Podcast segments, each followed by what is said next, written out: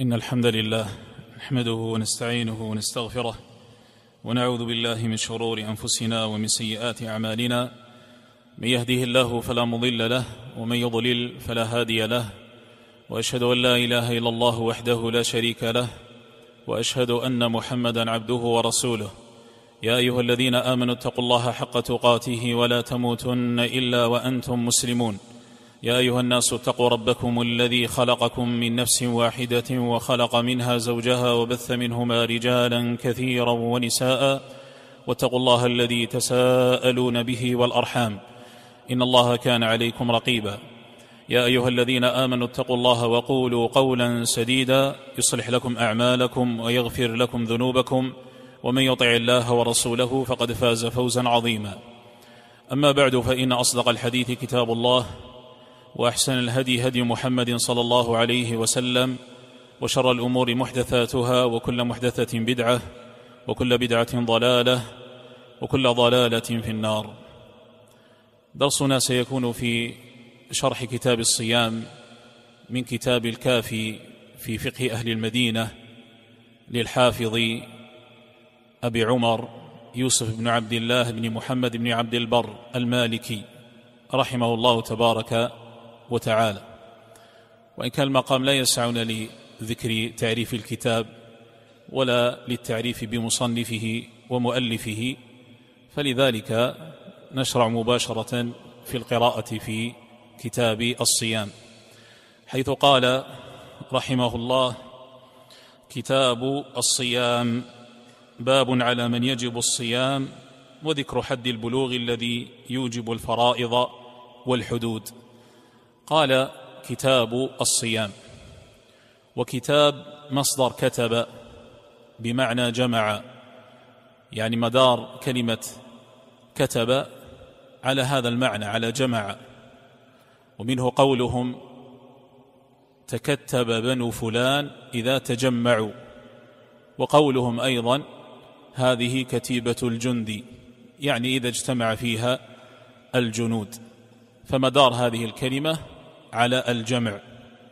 والمراد بالكتاب هذا الذي يكتبونه المراد فيه أنهم يجمعون فيه ما يكتبه القلم من الحروف والكلمات.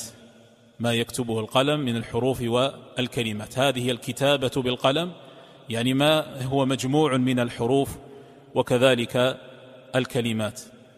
وإذا قال بعض الفقهاء في تراجم كتبهم يقولون كتاب كذا المراد به أنه يجمع لك في هذا الموضع المادة المتعلقة بهذا الموضوع فيقول كتاب الصيام يعني أجمع لك في هذا الموضع ما يتعلق بالصيام وأحكامه. فقال كتاب الصيام كتاب الصيام الصيام في اللغة هو الإمساك. ومنه قول الله سبحانه وتعالى إني نذرت للرحمن صوما. فلن أكلم اليوم إنسيا. إني نذرت للرحمن صوما أي إمساكا عن الكلام إمساكا عن الكلام. ومنه أيضا قول النابغة خيل صيام وخيل غير صائمة تحت العجاج وأخرى تعلو كل جمى فقوله خيل صيام وخيل غير صائمة خيل صيام يعني ممسكة وخيل غير صائمة غير ممسكة. قيل خير صيام يعني ممسكة ممسكة عن الاعتلاف وممسكة عن الجري أو ممسكة عن السير أو ممسكة عن الصهيل. المهم خيل صيام أي بمعنى ممسكة. فالشاهد أن كلمة الصيام في اللغة المراد بها الإمساك. وأما في الاصطلاح فعبارات العلماء في تعريف الصيام في الاصطلاح مختلفة. ومنها تعريف الحافظ ابن حجر وكذلك وافقه عليه النووي رحمه الله بقولهم هو إمساك مخصوص من شخص مخصوص في زمن مخصوص بشرائط مخصوصة. هو إمساك مخصوص طلوع الفجر إلى غروب الشمس من شخص مخصوص الذي يجب عليه الصيام كما سنعرف في أول ما سيذكره ابن عبد البر رحمه الله في زمن مخصوص الصيام في شهر رمضان وفي الوقت المخصوص في يومه بشرائط مخصوصة ما يتعلق بالنية وغير ذلك. ومن تعريفات المالكية للصيام قولهم الإمساك أي الصيام هو الإمساك عن شهوتي البطن والفرج وما يقوم مقامهما من طلوع الفجر إلى غروب الشمس بنية. يقولون الصيام هو الإمساك كما في اللغة. لكن هذا الإمساك إمساك مخصوص. الإمساك عن شهوتي البطن والفرج وما يقوم مقامهما من طلوع الفجر إلى غروب الشمس بنية. والمالكية يقصدون بالنية نية التقرب ونية التعيين. نية التقرب بالإمساك ونية التعيين. تعيين هذا الصيام. وإلا قد يعرف بعض العلماء أيضا الصيام بأنه التقرب إلى الله. ويقصدون هنا نية التقرب. يقولون التقرب إلى الله سبحانه وتعالى بترك المفطرات من طلوع الشمس إلى غروب الشمس. من طلوع الفجر إلى غروب الشمس. التقرب إلى الله هذه النية. بالإمساك عن المفطرات من طلوع الفجر إلى غروب الشمس فهذا هو الصيام. قال هنا رحمه الله في هذه الترجمة الأولى باب على من يجب الصيام وذكر حد البلوغ الذي يوجب الفرائض والحدود. هذه الترجمة الحافظ بن عبد البر رحمه الله ذكر فيها أمرين. الأمر الأول في قوله باب على من يجب الصيام على من يجب الصيام. وسيذكر هذا اولا. والأمر الثاني في قوله وذكر حد البلوغ الذي يوجب الفرائض والحدود. لماذا ذكر حد البلوغ هنا؟ ذكره لأن الصيام يجب على البالغ كما سيذكر. الصيام يجب على البالغ. طيب من هو البالغ؟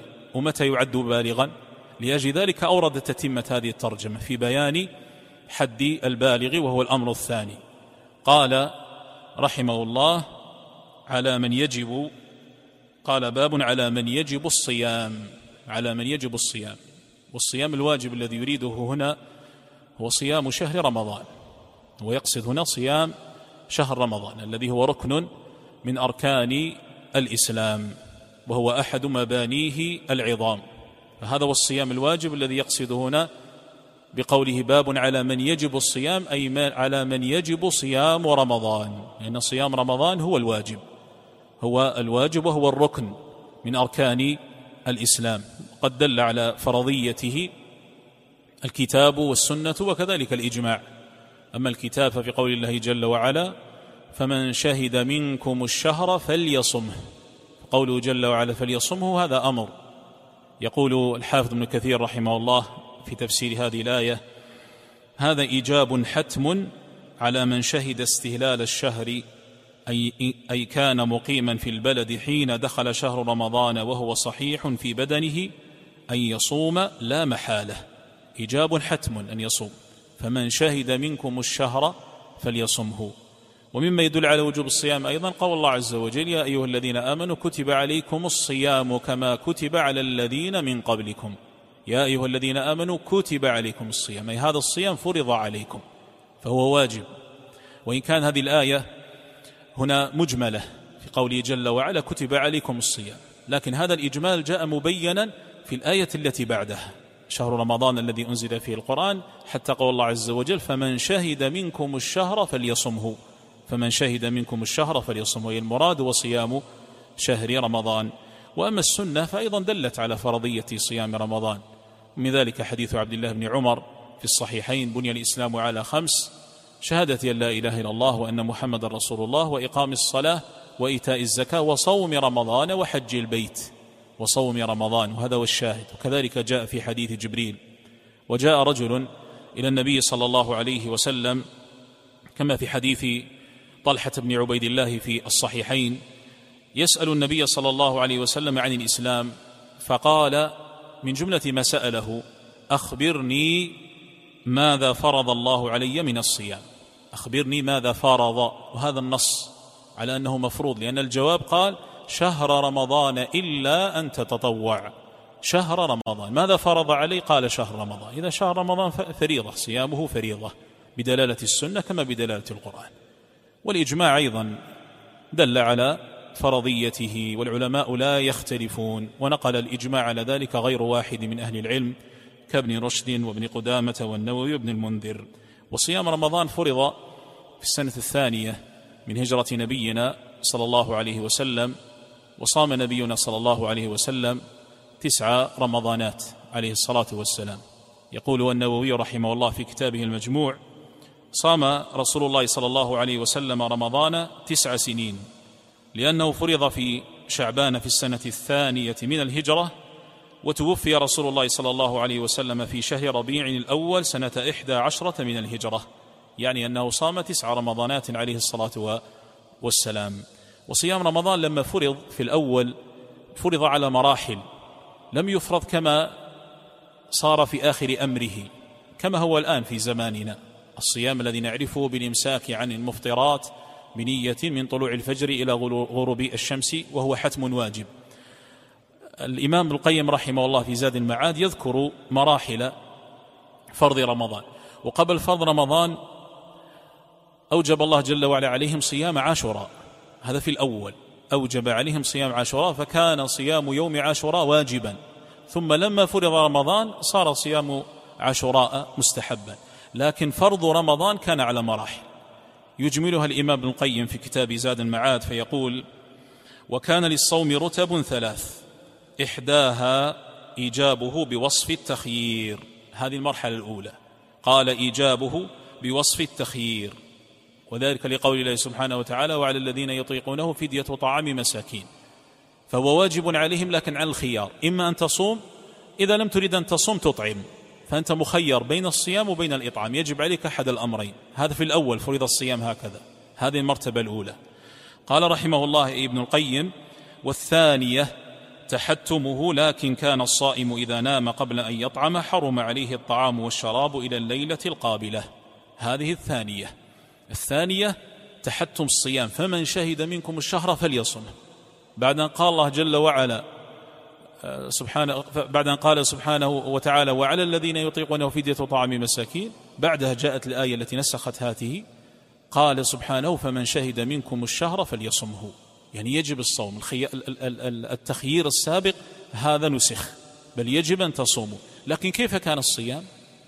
الصيام في المرحلة الثانية كان الواحد يصوم من طلوع الفجر إلى غروب الشمس. طيب هذا معلوم. إذا أفطر بعد غروب الشمس إذا, إذا غربت الشمس أفطر وإذا نام بعد غروب الشمس واستيقظ قبل الفجر ليس له أن يأكل. إذا نام يصوم إلى الغروب غروب الشمس من اليوم الموالي. يعني ليس له إذا نام في الليل إذا قام مثلا في آخر الليل قبل الفجر ليس له أن يأكل. ليس له أن يأكل. وليس له أن يأتي المفطرات. بل يمتد صيامه إلى غروب الشمس من اليوم الثاني. هذه المرحلة الثانية.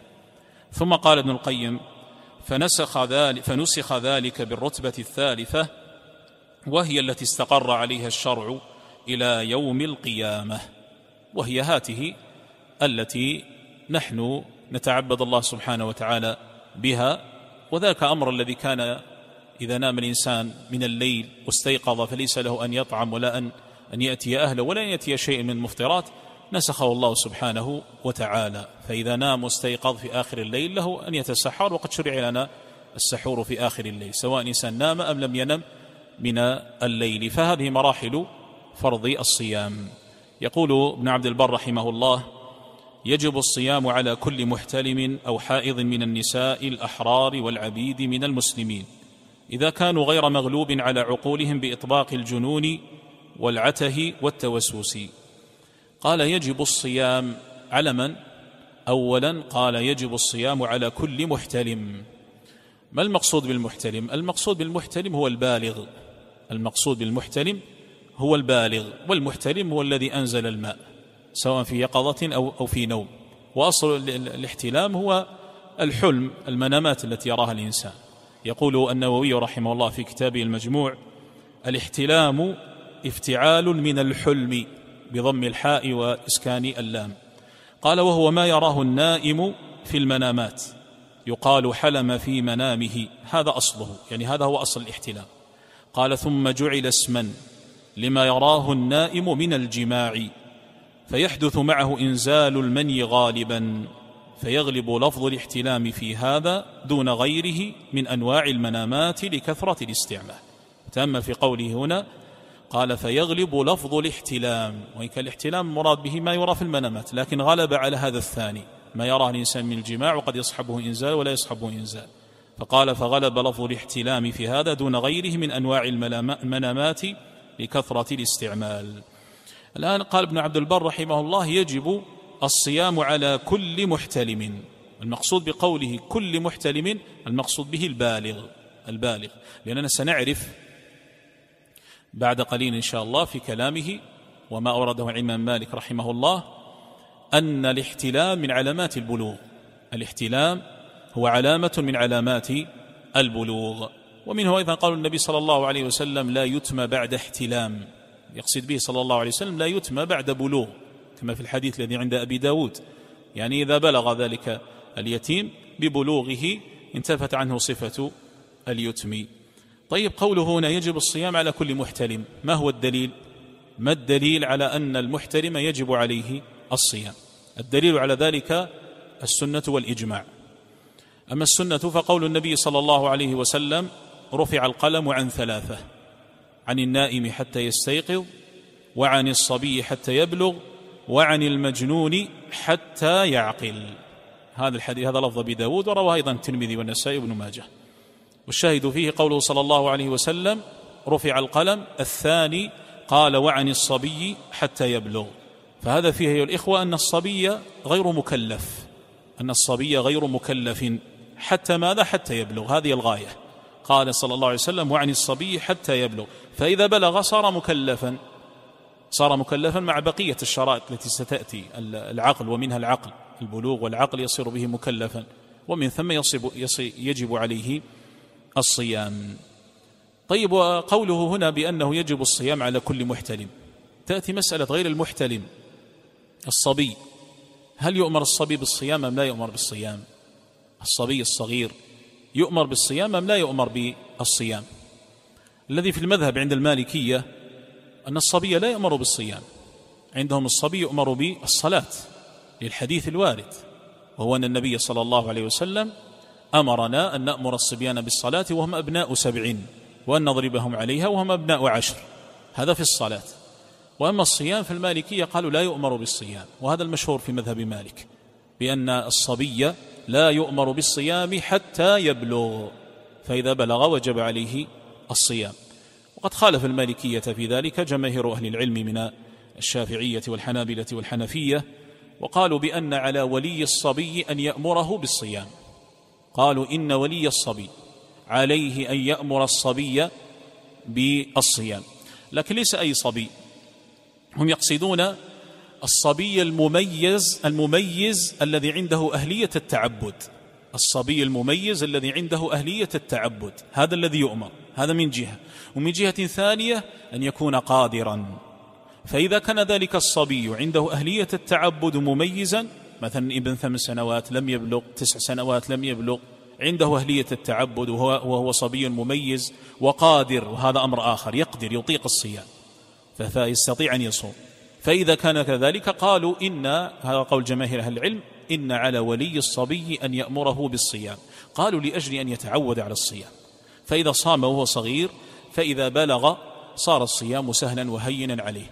ومما استدلوا به على أن الصبي يؤمر بالصيام ما كان يفعله الصحابة رضوان الله تبارك وتعالى عليهم. فاستدلوا بحديث الربيع بنت معوذ في الصحيحين وهذا فيه بعد النداء.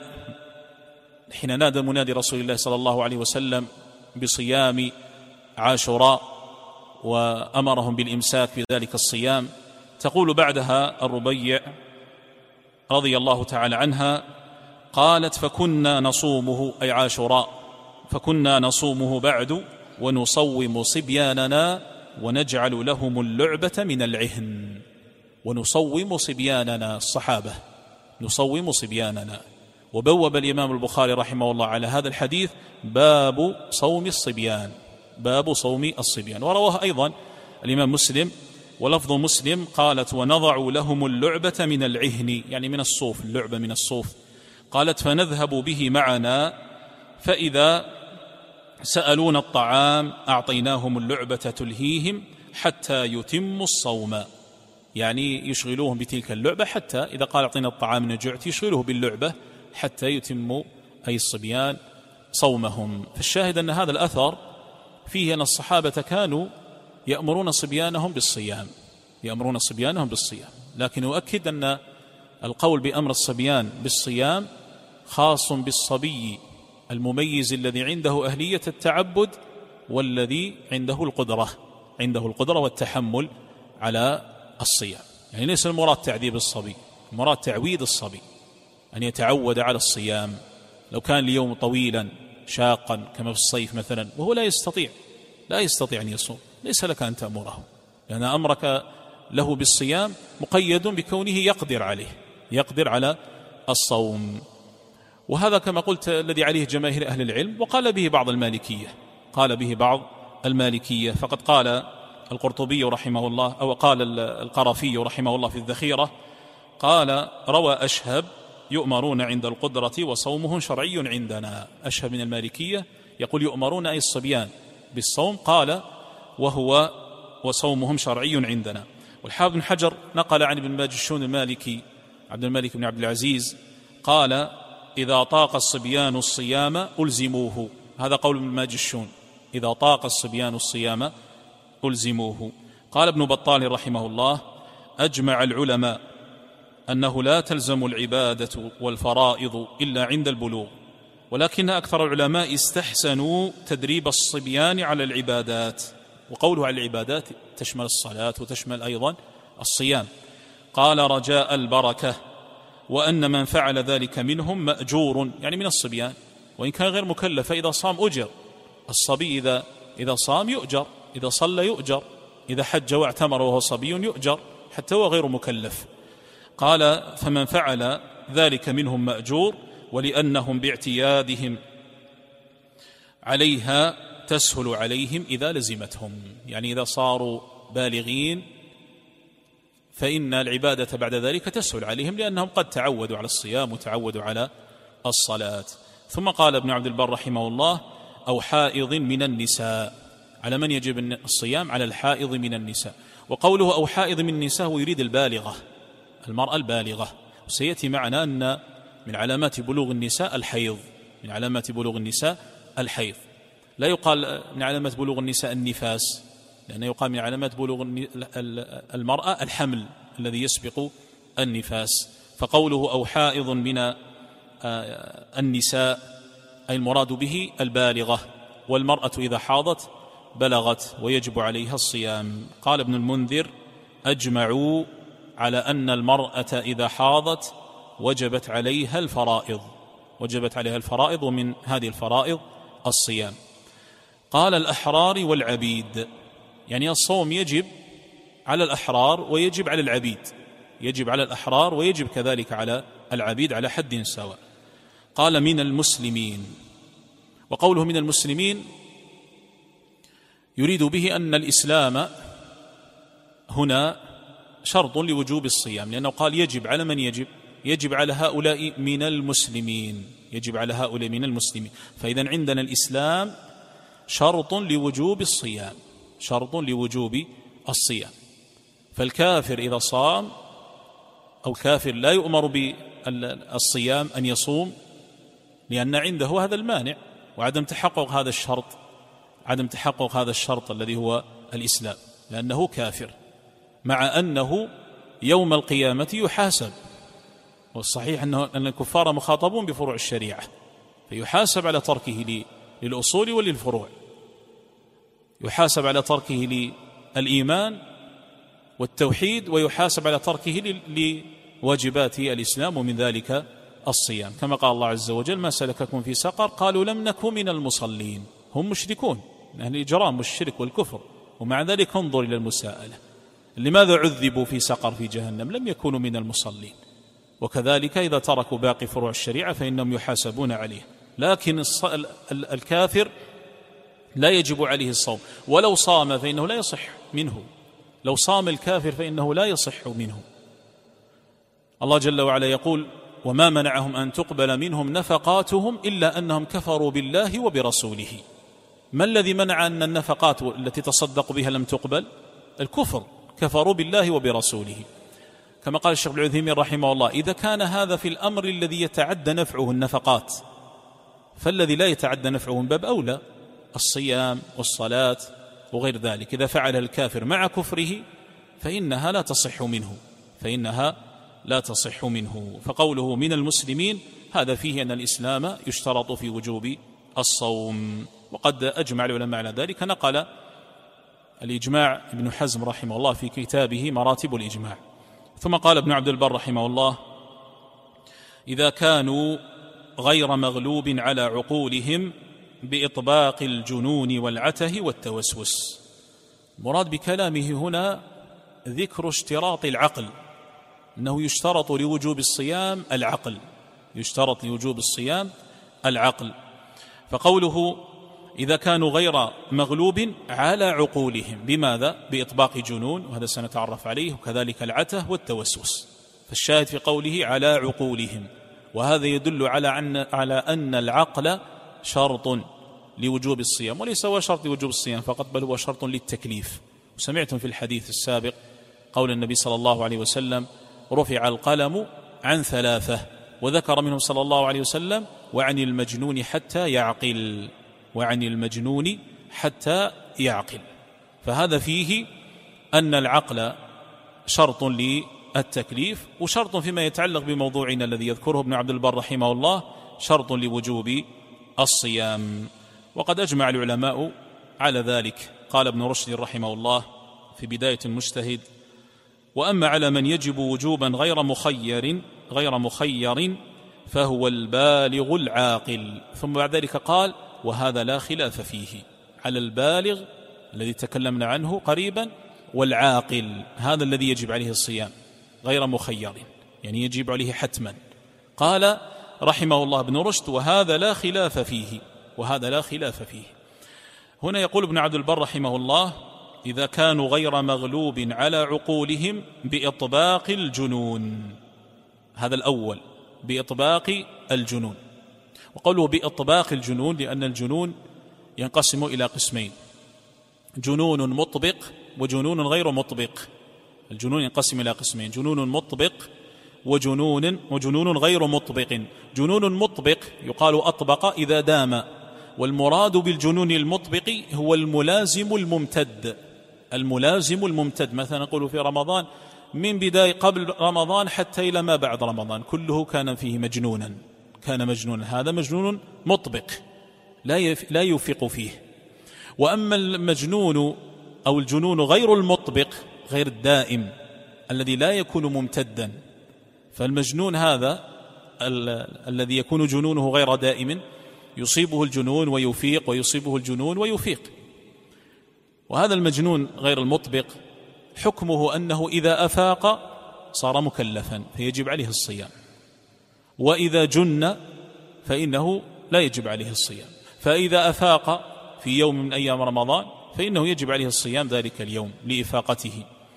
يقول الشيخ ابن عثيمين رحمه الله فمن كان يجن أحيانا ويفيق أحيانا لزمه الصوم في حال إفاقته دون حال جنونه.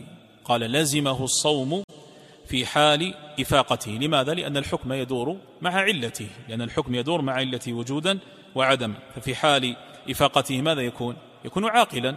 ومن ثم يجب عليه الصوم.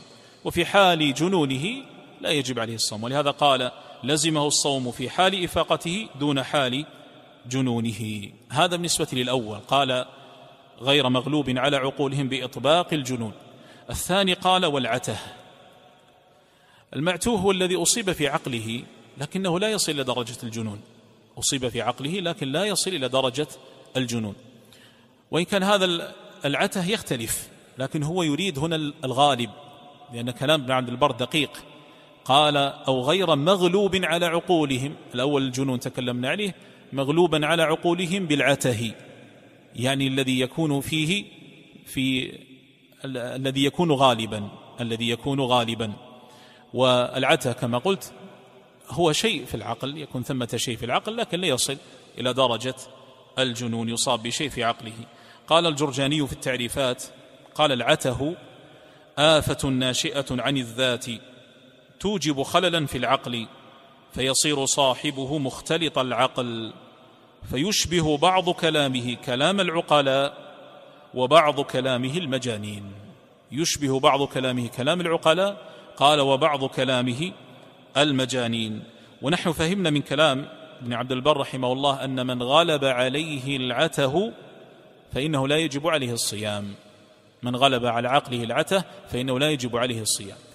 وقد نقل الإجماع على ذلك المصنف نفسه ابن عبد البر في كتابه الآخر التمهيد حيث قال وهذا إجماع على أن المجنون المعتوه لا حد عليه والقلم عنه مرفوع.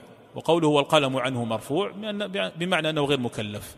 وإذا كان غير مكلف فإنه لا يجب عليه الصيام وهذا الذي يتعلق بموضوعنا. ومما يدل على أن المعتوه غير مكلف بل هو مرفوع عنه القلم.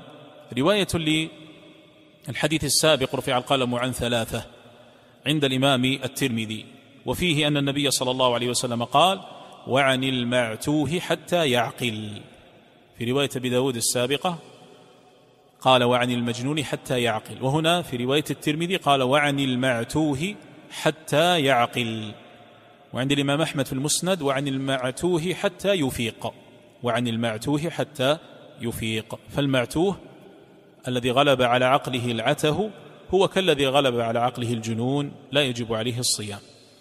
والثالث التوسوس. من غلب على عقله التوسوس. التوسوس أيها الإخوة إما يراد به فقد العقل أو يراد به نقص العقل. إما يراد به فقد العقل أو يراد به نقص العقل.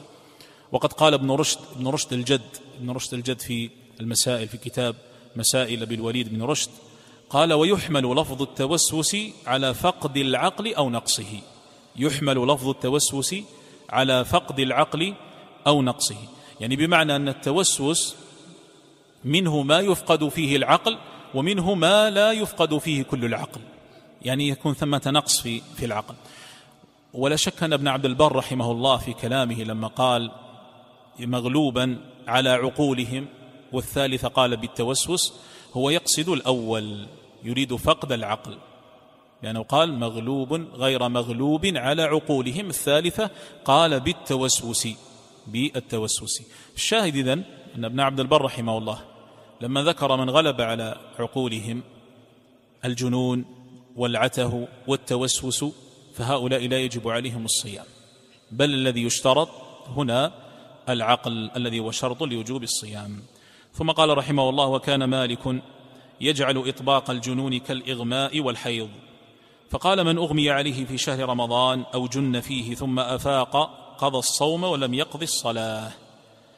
يعني أن هذا عند الإمام مالك رحمه الله مثل الحائض ومثل المغمى عليه.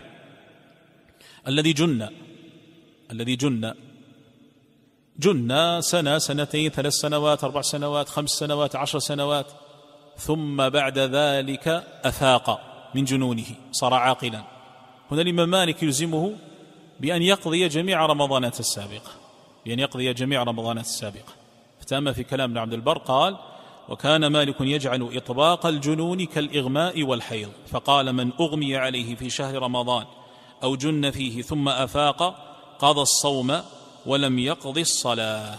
قضى الصوم ولم يقضي الصلاة. يعني مثل الحائض. الحائض كما هو معلوم إذا إذا حاضت في رمضان يجب عليها أن تفطر يجب عليها أن تفطر ويلزمها القضاء ويلزمها القضاء بعد ذلك وهذا باتفاق أهل العلم. ابن عبد البر نفسه ينقل إجماع ذلك في كتابه التمهيد. والمغمى عليه لأنه قال كالإغماء هذه ذكرها أولا كالإغماء والحيض. وقوله كالإغماء هنا بناء على المشهور عند المالكية. المشهور عند المالكية أن من أغمي عليه من أغمي عليه فإنه يقضي ذلك اليوم. فإنه يقضي ذلك. من أغمي عليه في, في, في نهار رمضان فإنه يقضي ذلك اليوم. سواء أغمي عليه اليوم كله يعني من قبل الفجر إلى بعد غروب الشمس أو أفاق في أغلب اليوم فإن المالكية هنا يقولون يجب عليه أن يقضي ذلك اليوم. استثنوا حالة واحدة وهي حالة ما إذا كان بعد نية يعني نوى أن يصوم وطرأ عليه إغماء لكن كان أقل من نصف اليوم. كان أقل من نصف اليوم فقالوا هنا لا قضاء عليه. وثمة أقوال أخرى دقيقة في, في هذه المسألة. لا أريد ذكرها هنا. لكن الشاهد عموما أن المشهور في مذهب المالكية أن المغمى عليه إذا أغمي عليه في نهار رمضان فإنه يقضي ذلك اليوم. فإنه يقضي ذلك اليوم.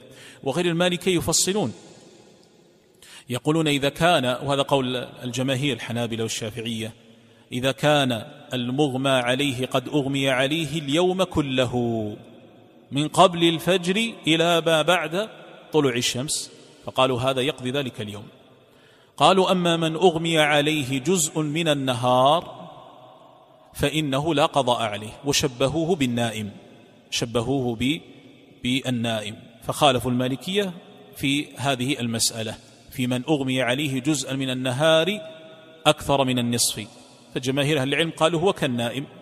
لا نقول يجب عليه أن يقضي والمالكية قالوا يقضي. وهذا في المشهور عندهم. الشاهد هنا أن ابن عبد البر رحمه الله نقل عن الإمام مالك رحمه الله أنه ألحق من جن ثم أفاق ألحقه بالحائض والمغمى عليه في نهار رمضان. أي يجب عليه قضاء ذلك الشهر يجب عليه قضاء شهر رمضان. قال وهذا عندي والله أعلم.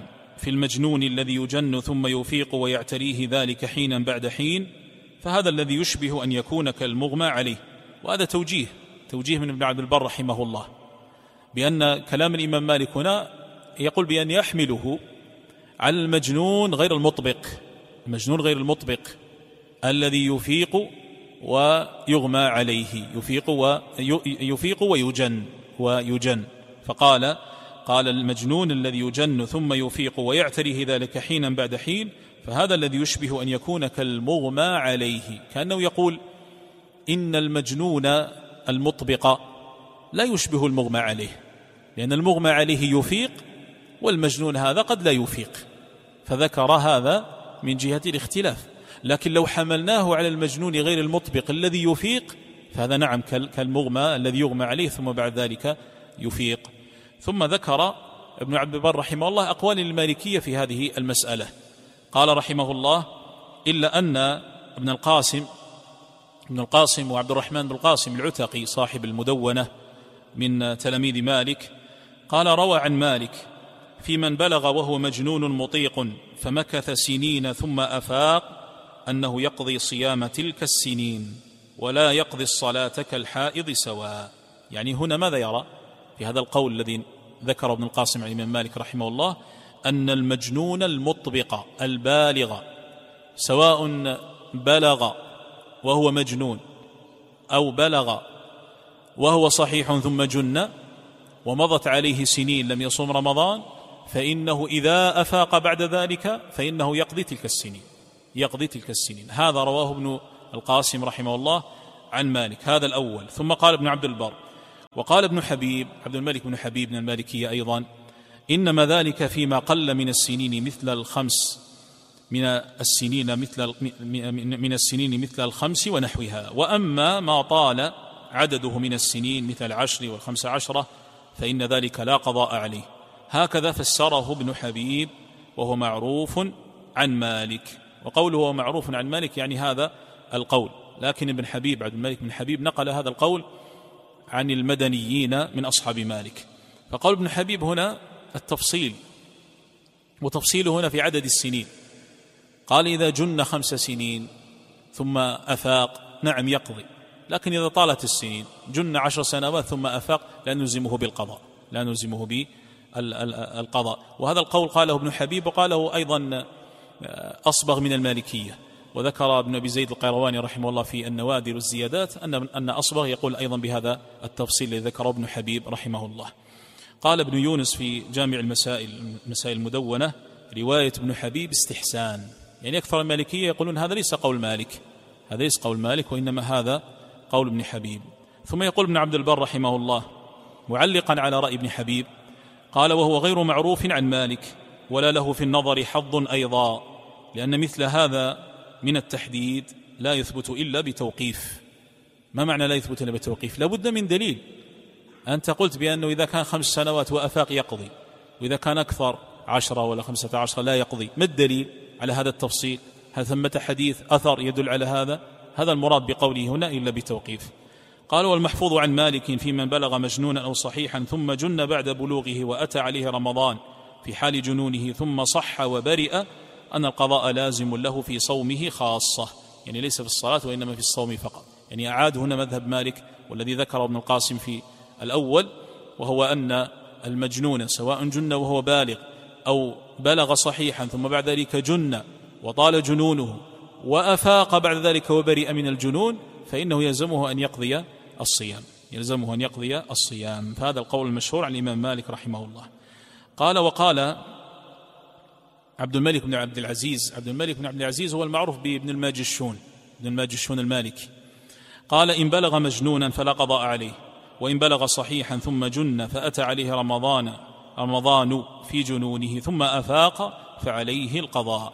يعني ابن الماجشون رحمه الله فرق فرق بين من كان صحيحا وبلغ يعني بلغ صحيحا ثم جن بعد بلوغه وبين من جن بلغ وهو مجنون بلغ وهو مجنون.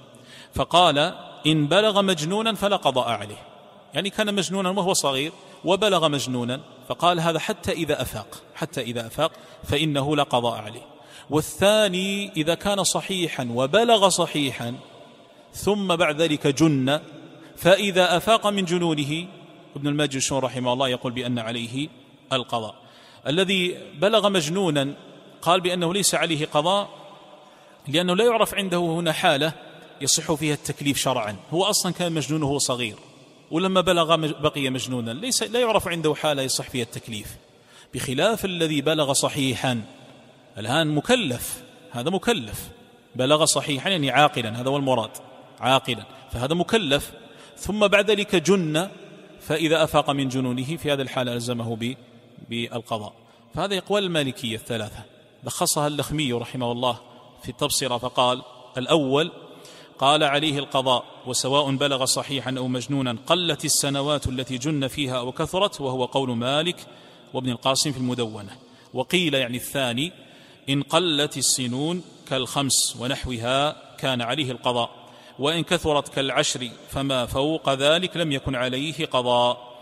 ذكر ابن حبيب عن مالك والمدنيين من أصحابه.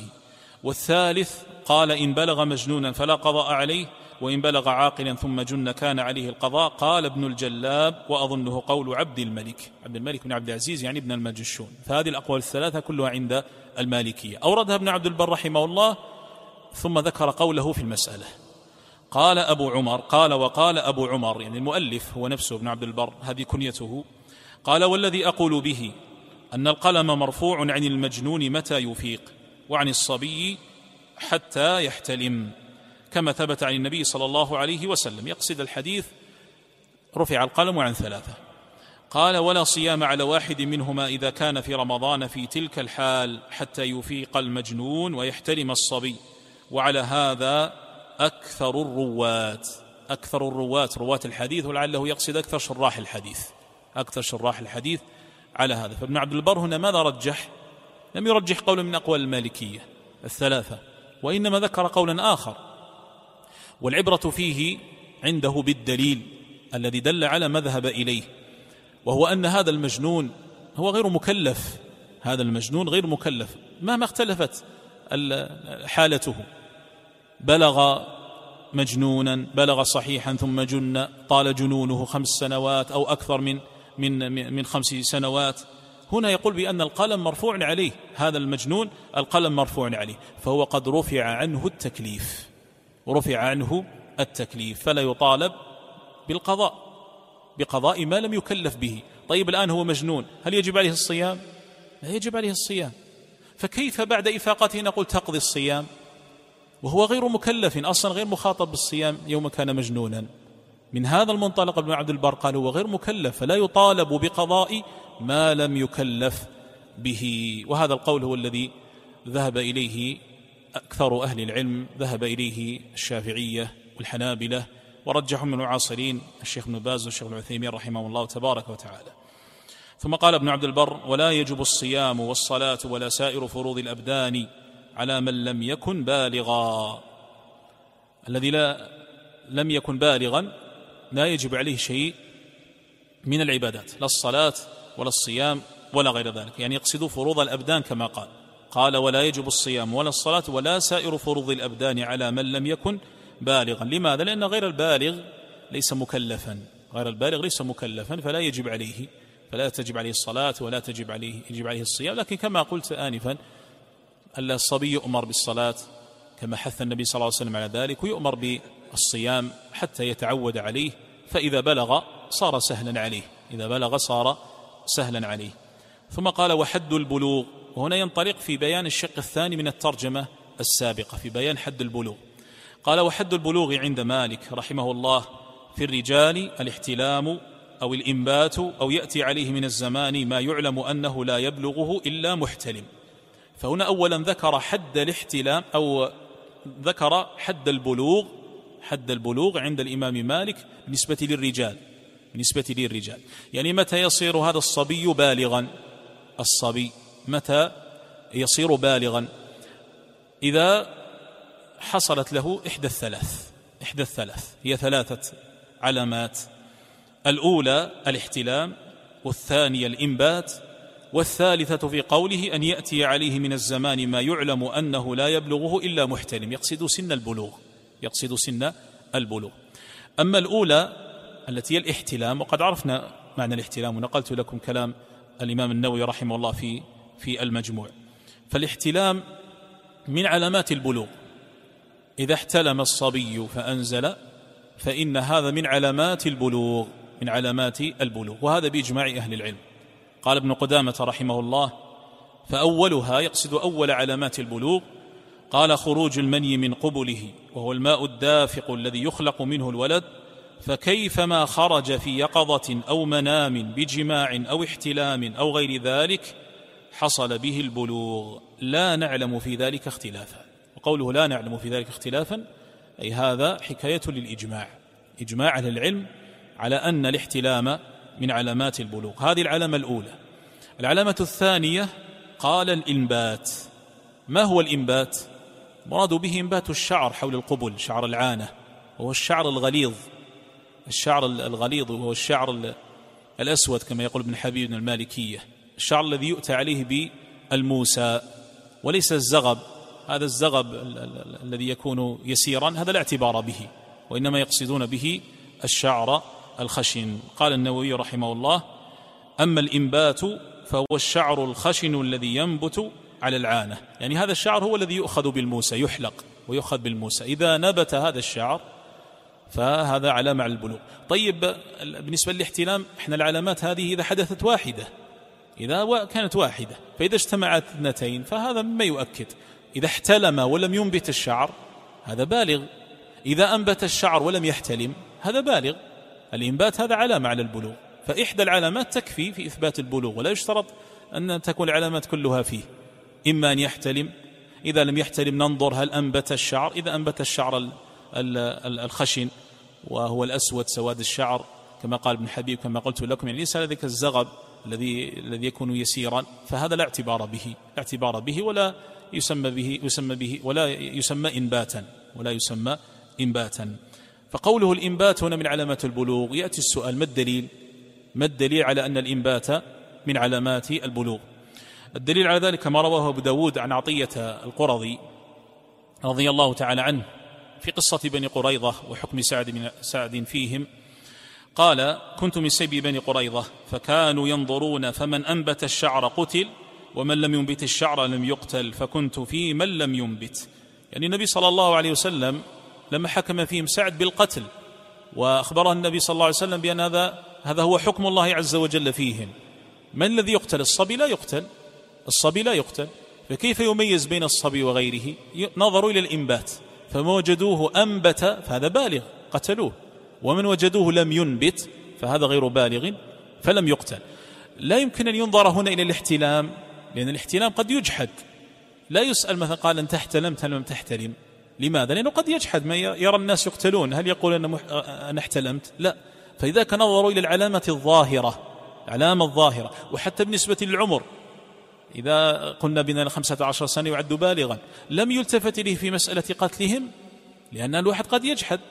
قال كم عمرك؟ هو سبعة عشر سنة يقول أنا أربعة عشر سنة. وهكذا. لكن بالنسبة للإنبات لا.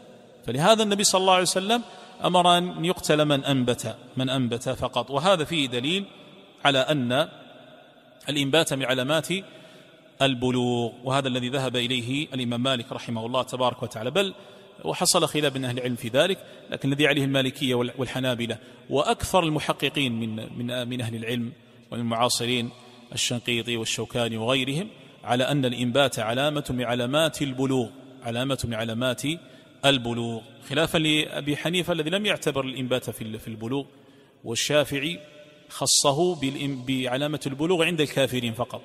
فهو أخذ بظاهر حديث عطية القرظي لأن هذا كان في قتل كافرين. فقال هذه علامة بلوغ عند الكافرين.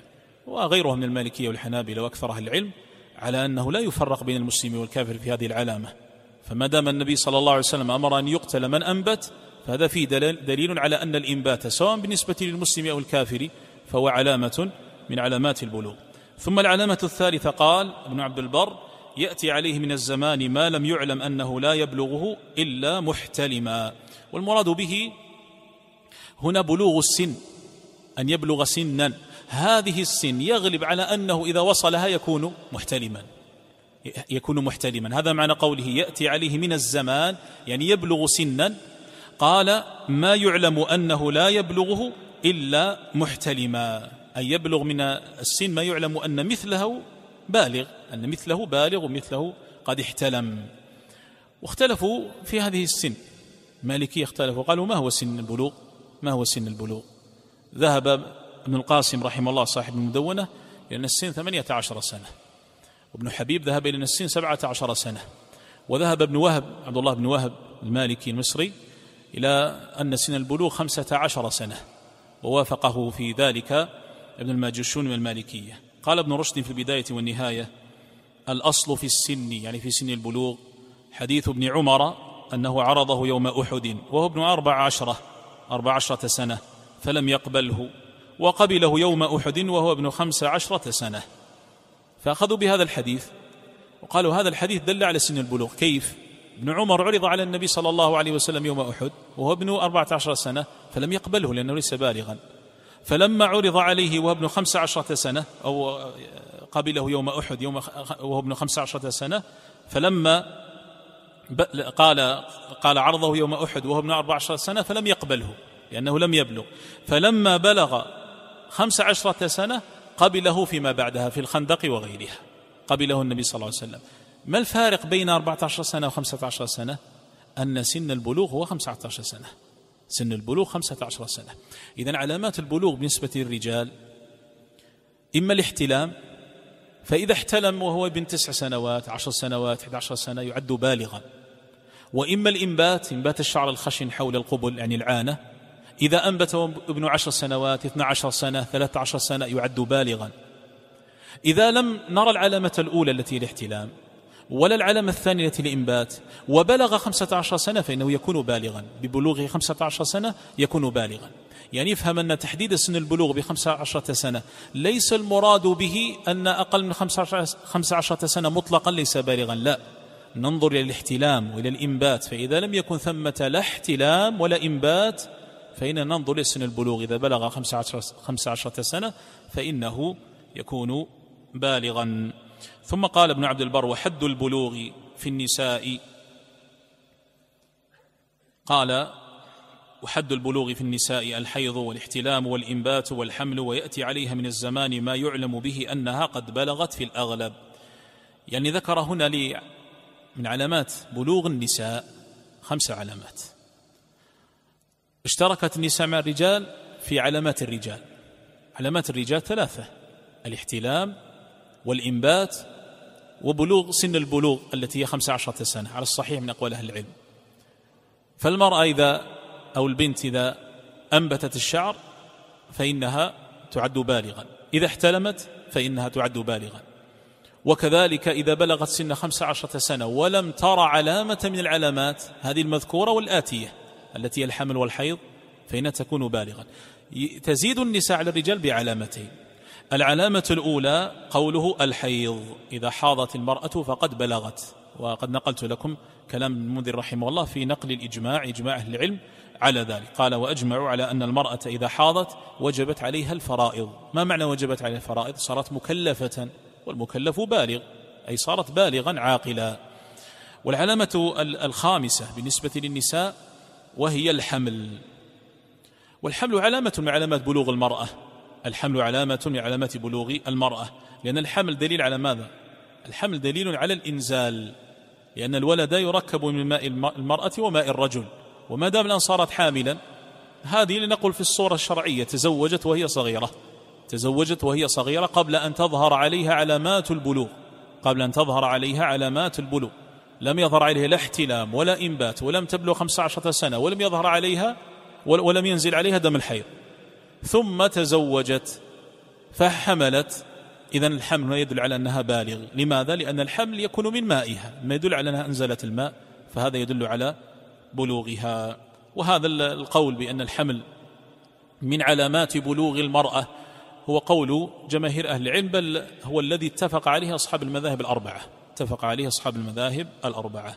ثم قال ابن عبد البر رحمه الله وقد روي عن مالك أن الحدود لا تقام إلا بالإنبات ما لم يحتلم الرجل أو تحيض المرأة أو يبلغ أحدهما من السن ما يعلم أن مثله لا يبلغه حتى يحتلم فيكون عليه حينئذ فيكون عليه حينئذ الحد إذا أتى ما يجب فيه الحد. يعني هنا ذكر أن الإمام مالك رحمه الله وهذا كله استطراد. استطرد بعد أن ذكر مسألة البلوغ وعلامات البلوغ. ذكر مسألة تتعلق بالحدود. من الذي يقام عليه الحد؟ إذا اقترف ما يجب عليه الحد كالسرقة والزنا ونحو ذلك. من؟ قال هنا أن الإمام مالك رحمه الله يرى أن الحدود تقام بالإنبات. ومعنى قوله أن الحدود تقام بالإنبات يعني إذا لم تظهر علامات البلوغ. إذا لم تظهر علامات البلوغ. علامات البلوغ التي ذكرناها آنفا المتعلقة بالسن البلوغ ومتعلقة بالإنزال. وكما قلت لكم هذه الأمور قد تجحد. هذه الأمور قد تجحد. قد يكون هو محتلم سرق وهو قد احتلم. جيء به لي ليقام عليه الحد. قالوا هذا الصبي يا فلان احتلمت. قال لم أحتلم. كيف نعرف هو احتلم ومحتلم لا نستطيع. لكن بالنسبة للإنبات على مظاهرة. ولهذا الإمام مالك رحمه الله يرى بأنه إذا اقترف ما يجب عليه الحد فإنه إذا أنبت فإنه فإنه يحد حتى إذا لم يحتلم أو لم يخبر باحتلامه ولم يبلغ سن البلوغ. ثم قال رحمه الله وقال أصبغ بن الفرج أخبرني ابن القاسم قال سمعت مالكا يقول العمل عندنا على حديث عمر بن الخطاب لو جرت عليه المواسي لحددته. قوله لو جرت عليه المواسي يعني الموسى جمع موسى لو جرت عليه المواسي لحددته يعني متى يقام عليه الحد؟ إذا جرت عليه المواسي الموسى التي آلت الحلاقة بمعنى إذا أنبت. إذا أنبت وإحنا قلنا الإنبات الشعر الغليظ الذي يحلق. الشعر الغليظ هذا الذي يحلق حول القبل العانة. فهذا علامة على البلوغ. ولهذا هنا قالوا في هذا الأثر عن عمر قال لو جرت عليه المواسي لحددته. ما المقصود بقوله جرت عليه المواسي؟ لو أنبت. إذا أنبت حددته. ثم قال قال أصبغ قال لي ابن القاسم وأحب إلي أن لا يقام عليه الحد إلا باجتماع الإنبات والبلوغ. وابن القاسم في المدونة نص على هذا. إحنا ذكرنا هنا مذهب مالك ذكر ابن عبد البر أنه يحد بالإنبات لكن بالقاسم زاد شيئا من باب الاحتياط من باب الاحتياط. الإنبات ومعه علامة أخرى من علامات البلوغ. الإنبات والاحتلام مثلا. فزاد علامة أخرى وزيادته هذه على سبيل الاحتياط فقط. لماذا؟ لأن الأمر الآن يتعلق بحدود والحدود معلوم أنها تدرأ بالشبهات. الحدود تدرأ بالشبهات. إذا كان ثم شبهة محتملة مثلا تفيد عدم ثبوت الحد ولا تؤثر في حال الذي سيحد فإن هذه فإن الحد يدرأ. الحد يدرأ بتلك بتلك الشبهة. فلعله من هذا الباب أو من باب الاحتياط زاد هذا الأمر. قال أحب إلي. نعم المذهب الذي عليه الإمام مالك أنه يحد بالإنبات لكن وقال أحب إلي أن يزاد شيء آخر قال وأحب إلي لا يقام عليه حد إلا باجتماع الإنبات والبلوغ. يقصد البلوغ يعني باقي العلامات الأخرى لي إحدى العلامات الأخرى للبلوغ قال أصبغ والذي نقول به أن حد البلوغ الذي تلزم به الفرائض خمس عشرة سنة وذلك حب ما فيه إلي وأحسنه عندي لا يسهم فيه في الجهاد لمن حضر القتال. واحتج لحديث ابن عمر إذ عرض عليه يوم الخندق وكان من خمس عشرة سنة فأجيز ولم يجزه يوم أحد لأنه كان ابن أربع عشرة سنة. يعني الآن أصبغ وكأنه بعد النقل نقل كلام القاسم. يقول أحب إلي أنه لا يحد إلا إذا بلغ خمس عشرة سنة لأن هذا السن هذا السن هو الذي يكون به اليقين البلوغ. الغالب أن الاحتلام والإنبات يكون أقل من أربعة خمسة عشرة سنة وابن خمسة عشرة سنة يغلب عليه أنه يحتلم ويغلب عليه أنه ينبت وأنه ينبت. فلهذا قال أحب أنه يحد إذا بلغ هذه السن خمسة عشرة سنة واستدل بحديث ابن عمر السابق وهي السن قال هذه السن المعتبرة في إقام الحد. قال أبو عمر هذا في من عرف مولده أما من جهل موعده وعدم منه الاحتلام أو جحده فالعمل فيه على ما روى نافع بن أسلم عن عمر بن الخطاب رضي الله عنه أنه كتب إلى أمراء الأجناد أن لا تضربوا الجزية إلا على من جرت عليه المواسي. وهنا ابن عبد البر أشار إلى كلام كأنه يعقب فيه على اختيار أسبغ واختيار ابن القاسم رحمه الله جميعا. ما يتعلق بالسن قد يجهل مولده. أنت تقول خمسة عشرة سنة. نقول يا فلان متى ولدت؟ لا أدري. يجهل لا يدري متى متى ولد. كم كم مضى من عمرك؟ لا يدري. عشر سنوات ولا خمسة عشر سنة؟ فإذا لا يمكن يضبط بخمسة عشرة سنة. ثم أيضا ما يتعلق بالاحتلام قد يعدم منه الاحتلام وقد يجحده لأن نتكلم على إقامة حد كما قلت لكم سرق ولا زنى جيء ليقام به الحد يا فلان أنت احتلمت حتى إذا احتلم يكذب ربما يكذب. إذا لم يكن متقيا لله عز وجل قال لم أحتلم يجحد. فإذا لا يمكن اعتبار هذه علامة لإقامة الحد.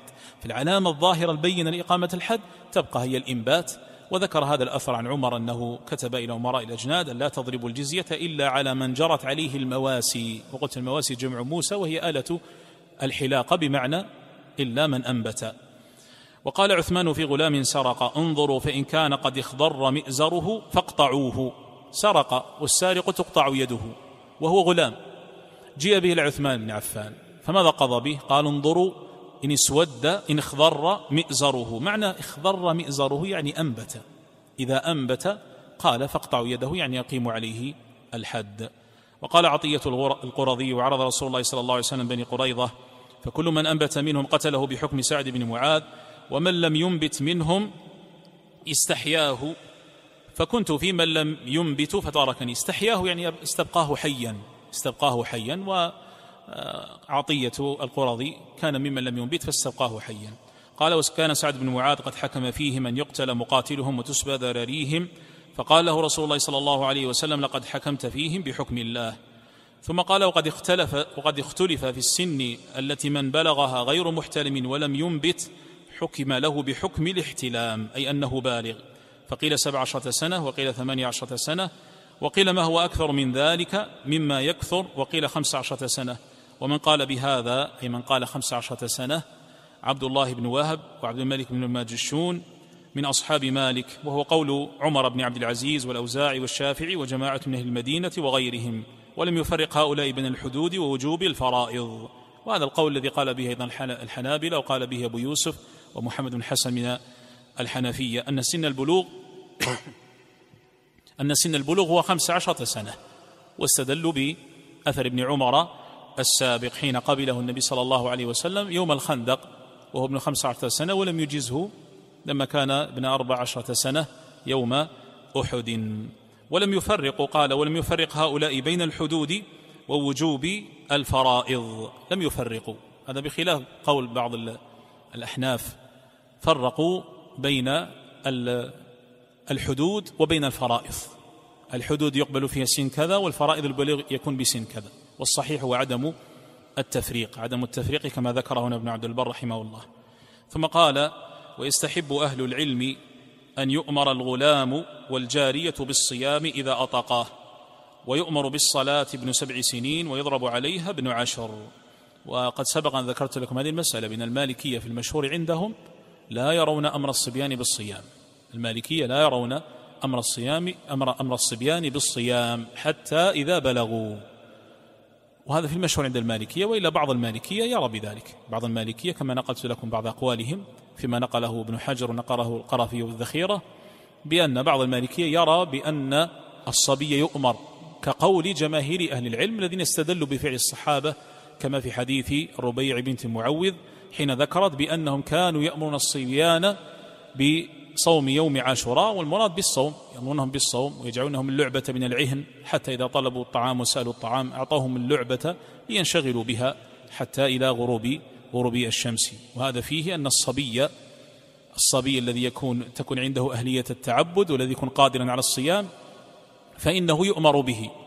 وأما بالنسبة للصلاة فقول واحد بأن الصبي يؤمر بالصلاة إذا بلغ سبع سنين. يؤمر بها أمرا ليس أمر إيجاب. ليس أمر إيجاب الأمر الذي يعاقب عليه بعد ذلك. تأمره بأن يصلي هو ابن سبع وثم ترجع قال صليت لما صليت تعاقبه وتضربه. لا تأمره أمر إرشاد. الآن تبدأ تعلمه الصلاة هكذا تكون الصلاة. تقرأ الفاتحة في القيام وتقرأ شيء من القرآن تعليم فاتحة الكتاب هذا الركوع ماذا تقول في الركوع؟ السجود هذا وقت صلاة الظهر هذا وقت صلاة العصر. تأمره وهو ابن سبع أمر إرشاد إلى الصلاة. ثم يرتقي بالسنوات من سبع من ثمان حتى إلى وصل عشر سنوات وتهاون في الصلاة يمكن أن يؤدب عليها. يمكن أن يؤدب عليها لأن النبي صلى الله عليه وسلم قال واضربوهم عليها وهم أبناء عشر فيؤدب لكن ضرب تأديب على الصلاة إذا تهاون إذا تهاون فيها.